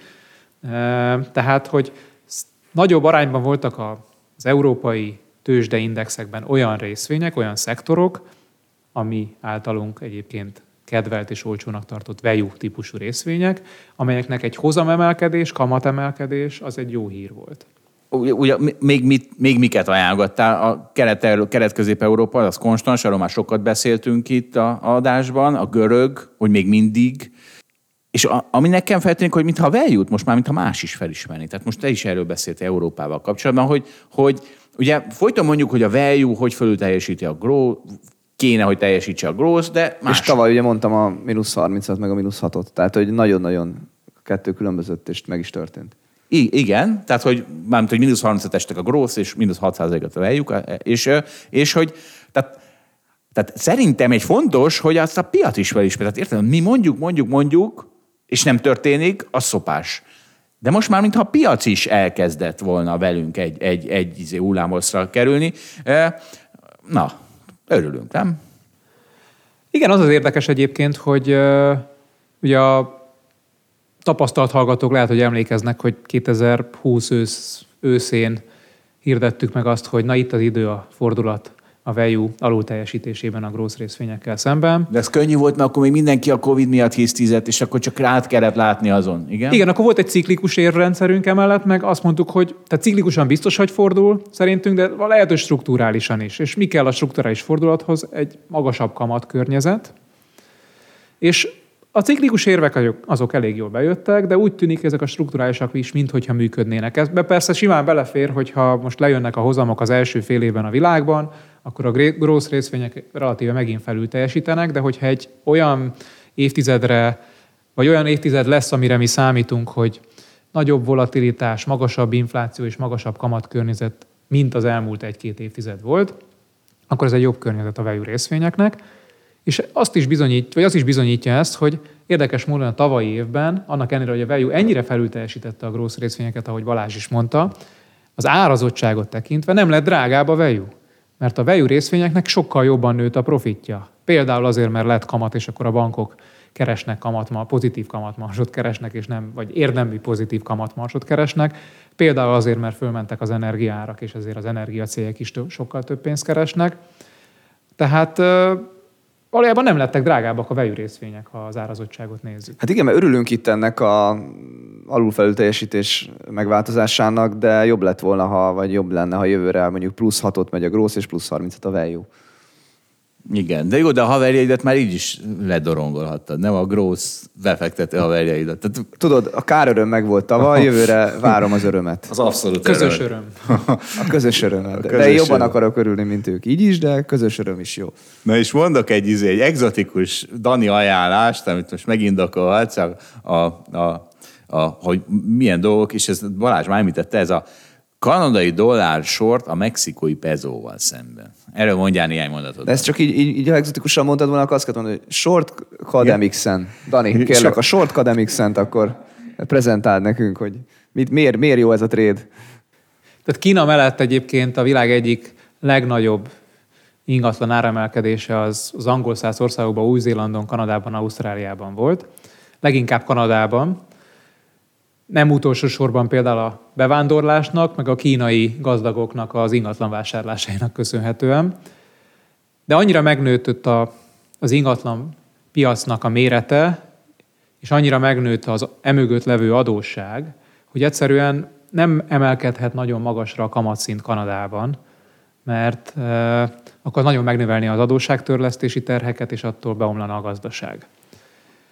Úgyhogy lehetne akár sortolni is a kanadai dollárt az amerikai dollárral szembe, de hogyha éppen azt látjuk, hogy az amerikai dollár 2022-ben volt egy olyan pillanat, amikor több mint 20%-ot emelkedett a, a dollárindex, tehát elképesztően drágává vált, akkor nem biztos, hogy az, az USD-vel szemben kellene sortolni a kanadai dollárt. Hanem? Hanem a mexikói pezóval, ahol strukturálisan elég jó dolgok vannak. Ugye Mexikó válik fokozatosan az Egyesült Államok mondjuk közép-kelet-európai feldolgozóipari beszerzési, eh, vagy eh, feldolgozóipari gyártó központjává, mint amilyen közép-kelet-európai Nyugat-Európának. Eh, az export teljesítmény folyamatosan javul, a mexikói pezó még mindig nem drága, van egy közel 7%-os kamat töblete Mexikónak mármint a mexikói pezónak a kanadai dollárral szemben, és ami jó, hogy mind a kettő az amerikai gazdaságtól függ. Tehát, hogyha az amerikai konjunktúra ciklus elromlik, akkor az véletlenül sújtja Mexikót is, de sújtja Kanadát is. Most ez a kanadai EMI, CAD MXN, ez 6 6-ról indult, mondjuk 2002-ben, fölment 17-ig, ez 2020-as Covid pánik volt Mexikóban, és most visszajött 14-re. De hát akkor is 6-ról indult, és 14-re ment föl. Ez az, aminek a lejövetele az, amit, amit most itt Dani. Igen, bár itt azért az inflációs különbség, Igen. ugye azért sokat magyaráz, tehát nem a hatot várja vissza Dani a Semmit 14-ről, Sőt, ha nem megy sehova, csak évente megkapod ezt a 7%-ot, az se rossz. Már akkor is nyerő a trade. Igen, igen. Na most már sok mindenről beszéltünk, de ilyen összefoglalóként bedobnék egy témát, hogy Dani azt írta, hogy alapvetően ugye azt mondott, hogy fel fognak venni a részvények, de van három nagy kockázat, ami elég durván felírhatja ezt a képedet. Egyes volt, beszéltünk rá hosszan, a Kína, és Kínán belül ugye ingatlan, vagy esetleg egy, egy, egy amerikai, kínai, tehát egy Tajvanon keresztüli konfliktus, tehát ez az első nagy téma. A, a második téma az, hogy Egyébként már annyira negatív dolgok történtek a tőkepiacon, vagy annyira magas lett az amerikai kamat, hogy egyébként hard landing lesz az európai vagy az USA gazdaságban.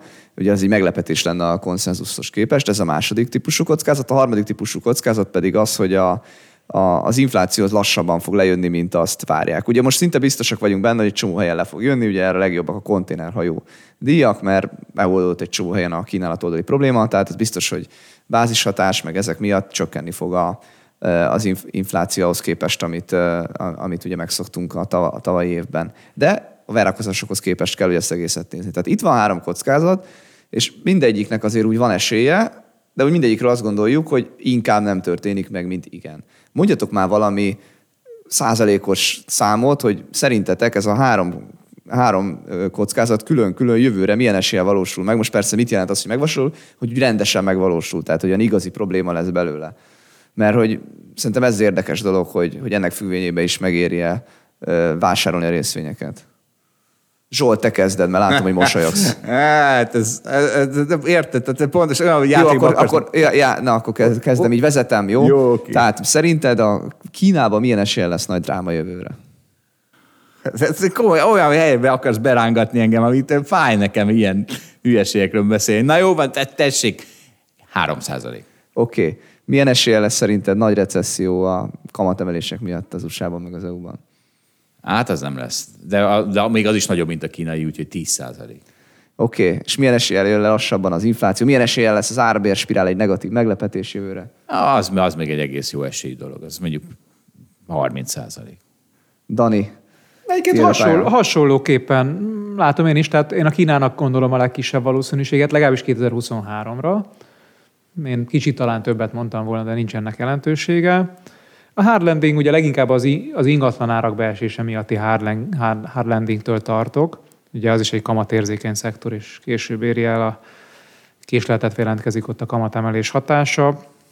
Lehet, hogy van 10% szerintem is. Ilyenkor persze mindig az a kérdés, hogy egy ingatlanár zuhanás 2008-9-ben nagyon be volt csatornázva a világgazdaságban, ezért nagy kárt okozott. Most vajon akkorát okozna-e? Ez, ez az, amit szoktam vitatkozni, de mindegy, most szerintem nem menjünk ebbe vele. húzom az időt, és akkor közben tudok gondolkodni, de még annyit szerettem mondani, hogy azért nagyon nehéz, mert hogy nincs nagyon ilyen múltbeli minta, amivel össze lehetne hasonlítani, ami most zajlik. Tehát olyan, hogy egyébként ennyi pénz ott maradt a COVID ideje alatt többlet megtakarításként a lakosságnál, ezt, ezt, ezt nem tudjuk, hogy egyébként, tehát korábban nem voltak erre példák, és nem, nem tudjuk, hogy egyébként ezzel mit fog csinálni a lakosság. Amerikában már ebből sokat elköltöttek, de Európában például nem. Tehát nem, nem, nem tudjuk, hogy mi lesz erre a reakció. Úgyhogy egy De ilyen az a hard land- gazdagoknál van, Dani, a- a- az az egy, az, az egy százaléknál van. Nem, egyébként az az érdekes, hogy nem. Tehát a legalsó 20%-nál úgy tűnik, mintha már elfogyott volna ez a többlet megtakarítás, de a, a lakosság 80%-ánál még megvan. És az a lakosság 80%-a azért még tud fogyasztani rendesen. Most is egyébként alacsonyabb a megtakarítási ráta, pont emiatt, mert élik föl egy kicsit ezeket a többlet megtakarításokat. A harmadiknak szerintem a legnagyobb szerintem is a kockázata. Nem biztos, hogy ez 2023-ban fog feltétlenül kiderülni. Tehát azt tartom én kockázatnak, hogy ki tud derülni, hogy hiába jön le az infláció, a bérinfláció, az magasabban marad, nem 5-6 százalékon, ahol most van, hanem mondjuk 3-4 százalék között, és akkor ez azt jelenti, hogy tartósabban magas lesz az infláció, és nem tud annyit lazítani a Fed. De van ennek is egy 25 százalékos kockázata, mondjuk. Na mi a megoldás, Balázs? Hát nem tudom a megoldást, de én is úgy tett, én, én a Kínára nagyobbat tennék, 20%-ot, másodikra kicsit 10%-ot, harmadikra én is nagyobbat, 20-30%-ot. A megoldás pedig az szerintem, hogy ugye az a fontos, hogy egyik se történjen meg, és az ember fejében ez egy kicsit torzítás van, ugye ez ilyen sima valószínűség számítás, hogy ugye mindegyiket egyenként elmondjuk, hogy hát nem valószínű, hát akkor meg kell venni a részvénypiacot. Csak ha már túl sok ilyen ö, nem valószínű dolog van, akkor az már problémás, mert akkor, az egy, akkor annak viszont már egészen nagy a valószínűség, hogy legalább az egyik bekövetkezik. Ugye a Zsolt modelljét most, ha visszük, akkor neked úgy kellene kiszámolnunk, hogy 1 mínusz 0,03 szorozva 1 mínusz nem tudom, mit mondtál. Úgy kezdve, hogy 0,98, 0,97-szer, 0,8-szor, nem tudom, 0, Ez olyan, mint a póker verseny. És akkor most, most 0,8-at szorozgatnánk, tehát mindegynek van mondjuk mindegynek van 20% esélye minden problémának, akkor már fele-fele az esélyed arra körülbelül, hogy ugye baj lesz, vagy nem lesz baj. És azt akarom erre visszavezetni, hogy, hogy az ember fejében mindig, mindig így néz ki, mert a geopolitikai kockázatokra is mindig mondjuk odaírnád, hogy lesz valami geopolitikai, milyen esély lesz jövőre egy geopolitikai kockázat, ami bedönti a részvénypiacot. És akkor erre úgy általában raksz egy ilyen, tudod, hogy van esélye, de úgy mondjuk 2018-ban ezt megkérdezik, akkor mondjuk még Trade War volt, vagy 2017-ben, akkor azt mondta, hogy 5 százalék, 10 százalék. Szóval mondasz rá valamit, de úgy nem tudod elképzelni, mert az elmúlt 10 évben nem láttál ilyet. És akkor érted, basszus, jön a világ, és megtörténik. És akkor az elmúlt három év az tényleg olyan volt, hogy, hogy ezekre, amire azt mondtuk, hogy járvány, ez is mindig ott szerepelt a top 50 kockázatban a világban, de úgy, ugye úgy nem jött be. És, és az elmúlt három évben meg azt vettük észre, hogy ezek így hirtelen elkezdtek bejönni. Tehát, hogy most már az ember elkezd félni, és elkezd odafigyelni ezekre a dolgokra, hogy aminek ad egy 5-10-20 százalékos esélyt, az, az sokszor arra úgy gondol, hogy az, az nem történik meg, és nem lehet semmi, de ha van 5 vagy 10 vagy 20 ilyen kockázatot, akkor meg nagyon-nagyon valószínű, az egyik megtörténik. Aztán persze kérdés, hogy ez akkora lesz, hogy bedönti a részvénypiacot. Most én direkt úgy tettem fel a kérdést, hogy lesz-e akkora gond ezekből, ami bedönti a részvénypiacot? Nem tudom, de ha majd az lesz, hogy Kína ingatlan piac mégis bedől, akkor, akkor majd ne lepődjetek meg. Jó Zsolt a 3 oddal. nem, akkor, akkor mondom, Balázs megmondta, Balázs megmondta. Na ehhez van egy pár gondolatom. Az egyik az az, hogy szerintem van valami korreláció az ilyen nagyon rossz és váratlan események bekövetkezése között. Tehát, hogy vannak olyan időszakok a világgazdaságban, meg a történelemben, amikor viszonylag kevés ilyen történik, és vannak olyan, amikor meg viszonylag sok, azért, mert ezek valamennyire hatnak egymásra. Autokorreláció. Ezt akartam mondani, igen, de... és most szerintem egy olyan időszakban vagyunk, amikor ez a korreláció, mintha úgy kezdene megjelenni és erősödne. Viszont az Most a... ilyen zizegés van a rendszerben, ugye, mint az ilyen hangnál, hogy így Igen. egy ideig ilyen alacsony a volatilitás, akkor egyszer csak nagy lesz, de azt előre jelzi, hogy ha tavaly nagy volt a volatilitás, akkor most. Úgyhogy mondhatnánk, hogy a rossz dolgok követik a rossz dolgokat, Dani. Igen, igen. Egyébként tehát, hogy mert a másik gondolat, hogy persze még föl tudunk hozni tíz különböző olyan nagyon rossz eseményt, ami egyébként szintén pánikot okozna a piacokon, tehát nem tudom, atomfegyverek alkalmazása, eh, orosz részről a háborúban, Meteor. megtámadása. Meteor. Meteor, igen. Klímaváltozás bedurvul. Tipping point. Olvasod Zsolt Kaliforniában? Milyen izé? Flood van? Tipping point van Kaliforniában, ne idegelj. Viszont az egy fontos dolog, hogy a várakozások is ennek megfelelően változnak.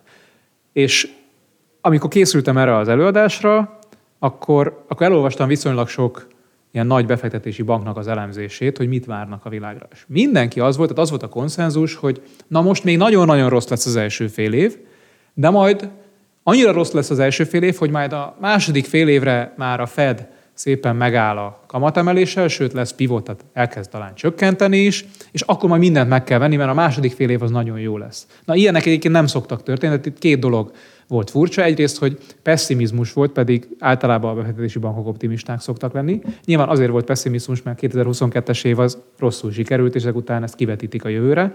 Másrészt az, hogy majd jó lesz a második fél évben, és majd akkor kell megvenni, az nem biztos, hogy be fog jönni, mert ha mindenki így gondolkodik, akkor mindenki ezt próbálja előrehozni. Most egyébként valamennyire lehet, hogy ezt látjuk, hogy próbálják előrehozni ezeket a vásárlásokat, mert az elmúlt egy hónapban igazából sok olyan dolog kezd beárazódni, amiről itt beszéltünk. Tehát az, hogy a kínai részvények följöttek, hát a kínai rész, vagy bull marketbe kerültek a bear market után, igen, hát ez megtörtént, ez tény, ez így néz ki, mert sokat emelkedtek, már 20% fölötti emelkedés van a mélyponthoz képest. Tehát az a visszatérve Bal- Balázs a kockázatokra, meg a, a, az együttes valószínűségre, itt igazából, mármint arra a metszett valószínűségre, hogy egyik rossz se következzen be. Itt igazából az van, hogy ha ezek bekövetkeznek, akkor is lehet, hogy az első fél évben még teljesen jól lehet pénzt keresni, és a második fél évben nem lehet. Tehát itt az időzítés is fontos. Sőt, hát a, a katasztrófán is lehet pénzt keresni, azért ne, ne, ne, ne essünk kétségbe. Katasztrófa kötvényekkel például, amelyek akkor Hát fizetnek be. sortolással. Sortolással. Én valójában továbbra is azzal próbálok pénzt keresni, hogy megpróbálom belőni, hogy mi ennek a sok elemzésnek valahol a közepe, meg én mit várok, hogy mi a közepe, és ha valami, ettől valami egészen más áraz, tehát mondjuk sokkal pessimistább, az sokkal jobb, mert akkor longolni lehet, akkor, akkor azt meg kell venni, és, és igyekezni azt várni, hogy ha megmarad ez a közepes világ, amit gondolok, akkor is keresek vele. És nem azt próbálom igazából megtippelni, amit most egyébként a Dani megpróbált megtippelni itt ezzel a 150 szlájddal, hogy egyébként a konszenzushoz képest valójában hova megy a világ. Egyébként ez is, tehát ez, ez, ez csak ezt akarom mondani, hogy szerintem még ez egy érdekes gondolat nekem a preziből, most végighallgattam a, a Daninak a gondolatait, ugye rengeteg piacról, és akkor 10-ből 8-9-nél azt érzi az ember, hogy vagy azért, mert kevesebbet tud, vagy egyébként ugye egyetért, és inkább egy-kettőben nem ért egyet, mit tudom én konkrétumot mondjak. Én a technológiai cégek kapcsán nem értek egyet azzal, amit a Dani mondott, nekem van technológiai cég az alapomban, neki nincs technológiai cég, tehát van konkrét különbség. De nem ebből fakad egyébként a, a portfólió kezelésben a, aztán a különbség, hanem az, hogy ki mivel akarja ezt megjátszani, és ettől a középértéktől ki milyen eszközöket lát, amik eltérnek. Tehát lehet, hogy a Dani ugyanazt gondolja, mondjuk most mondok valamit a nyugat-európai részvénypiacról, mint én, vagy egy másik alapkezelő, de aztán ezt egészen máshogy kereskedjük le a, a, portfóliunkban, mert arra már más eszközöket találunk, amik, amik, amik azt gondoljuk, hogy extrémek, és amikkel ezt a gondolatot meg lehet játszani. Ettől még Nyugat-Európáról gondolhatjuk ugyanazt. Ezt jó, hogy mondod, mert egyébként van nagyon sok olyan típusú befektetési megközelítés vagy stratégia, ahol az év 99%-ában általában nem tudja az alapkezelő, hogy mi van, meg nem is csinál semmit, vagy ha csinál, akkor azok nem jönnek be, de mondjuk kicsit túloztam mondjuk 90%-ában, de lehet, hogy 10%-ában eltalál egy vagy kettő olyan dolgot, amit jól lát és jól is megfogad. Az összes többinél pedig a kockázatkezelése működik úgy, hogy keveset bukjon vele, azzal az egyet, egyen meg sokat nyer, hogy, hogy teljesen függetlenül attól, hogy egyébként a világot ő általában véve jól látta vagy nem, mégis tudott pénzt keresni. Na figyeljetek, el- levezetünk most már. Uh, egy Warren Buffett idézete. Mondhatnám, hogy ez a, ez a életviteli tanácsadás rovatunk Danival, de inkább Daninak. Mert mit mondott Warren Buffett? A különbség a sikeres emberek és a nagyon sikeres emberek közt az, hogy a nagyon sikeres emberek bármire, szinte, bá, szinte mindenre azt mondják, hogy nem. Most Daniel be kurva béna. Tehát a Daniel nem mond, nem mond nemet, nem? hogy, hogy érzed? És arra jöttem rá, hát a múltkor már jelentkeztem én mindennek, tehát voltam én már tiszteletbeli befektetési igazgató, stb. De, de a Dani helyett nemet mondok pozíciót, ez simán, ez simán fölveszem extra bónuszért, mondjuk alvás időn kívül mondok csak nemet, tehát, de eh, Alszol is helyette, nemet is mondasz, is helyette, de arra biztos, hogy szüksége van, de arra, hogy többet mondjon nemet, arra biztos, hogy szüksége van. Értitek ezt a Warren Buffetti mondást? Persze, Amúgy. persze. Úgy, ez- ez- hát ez- az idődet ne töltsd el fölösleges dolgokkal, hogy Igen. mindenbe belemész, nem? Én abszolút értem, abszolút. Úgyhogy Így van, de, de nekem nagyon megtetszett ez a mozdulás. És figyeljetek, amire Dani nem mondott nemet, ezt most kiemelem a preziében, az a kriptó. Tehát a Fidelity is fölkészült 2022-ben a kriptóra, hogy majd mi jön. És Dani is szánt egy szlájdot, most nem beszélünk a kriptóról, csak az, hogy benne volt, az már egy, az nyilván egy nagy fejlemény a, nem tudom, 20-hoz hát ez egy 800 milliárd dolláros eszközosztály. 150 tehát- szlájdba azért bele kell férnie egy szlájdnak a kriptóról. Jó, de hát jó, oké. Ez, na, oké. Szerintem 2018... Meg, meg konformára Dani is annyira látott, hogy belevette legalább egy szlájdal a kriptót. Már nem tette meg, hogy nem. nem, mondott, nem mondott nemet a Dani. És a- meghallottam Dávidnak a kritikáját pár évvel ezelőtt, hogy hát nehogy már erről az eszközosztáról ne beszéljünk, és tényleg, hát 800 milliárd dollár, Na ez nem kicsi. De, de erről beszélek, hogy így változik a világ, hogy egyre több alapkezelőben már azt mondják a befektetési igazgatók, hogy nehogy már ne beszéljünk a kriptóról. Tehát, És ettől még lehet long is, meg short is, csak beszél róla. az kétségtelen, de már megjelent. Tehát, hogy érted, 2015-ben nem volt ilyen, akkor még izé kirög, ha valaki ezt mondta volna, de kirögi. Visszanézhetnénk, hogy Dani mikor vette be Igen. kriptót. És akkor zárjuk egy optimizmussal, mert ez azért végül is ez, ez optimista, hogyha már háború van a szomszédban. Dani egy befektetés ajánlás az az ukrán, amerik, dollárban denominált állami és vállalati kötvények. Ez végül is valahol optimizmus, nem?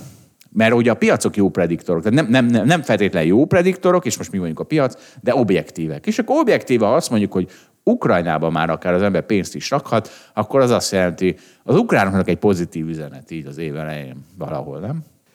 Pozitív, de remélem, hogy ez egy jó befektetés lesz. Az, lett, az lenne a legjobb forgatókönyv 2023-ra. Nyilván nem vagyok geopolitikai szakértő, tehát nem tudom, mennyire látom a, jól az esélyét annak, hogy ott esetleg kicsit ellaposodik a háború, de, de el tudom ezt most képzelni, és ehhez képest szerintem rosszabbul vagy pessimistában vannak árazva ezek az eszközök. Dani, most Hmm, érted? Most egy ilyen izé... Egy kara, peace... kara, karakán véleményt szerettél nem, volna. Nem, nem, pont nem. Béke lesz jövőre, Dani. Egy peace üzenetet szerettem volna, mint Indira Gandhi, és te erre meg itt izé árazottságokról beszélsz. Na mindegy. Akkor... Nem tudtad belőle kihozni. Nem tudtam belőle kihozni. Az ma, Békés ma... 2023-at kívánunk akkor ezzel mindenkinek, ugye? Igen, az Indira Gandhi. A nyúl, val... a nyúl éve. Valá, a nyúl.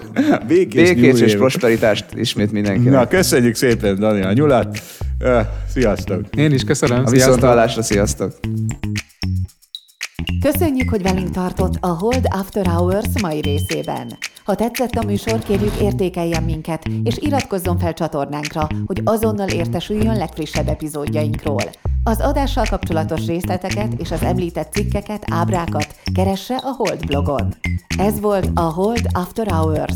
Tartson velünk a következő adásban is!